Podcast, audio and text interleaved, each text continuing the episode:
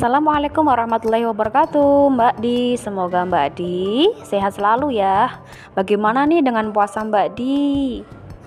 Nah saya mohon izin menyampaikan progres puasa saya di pekan keempat ini kan saya puasa untuk tidak boncos gitu ya Mbak Di Alhamdulillah saya sudah rajin mulai menerapkan pengeluaran mencatat dengan baik dan sudah tidak boncos. semoga Mbak Di sehat selalu ya Assalamualaikum warahmatullahi wabarakatuh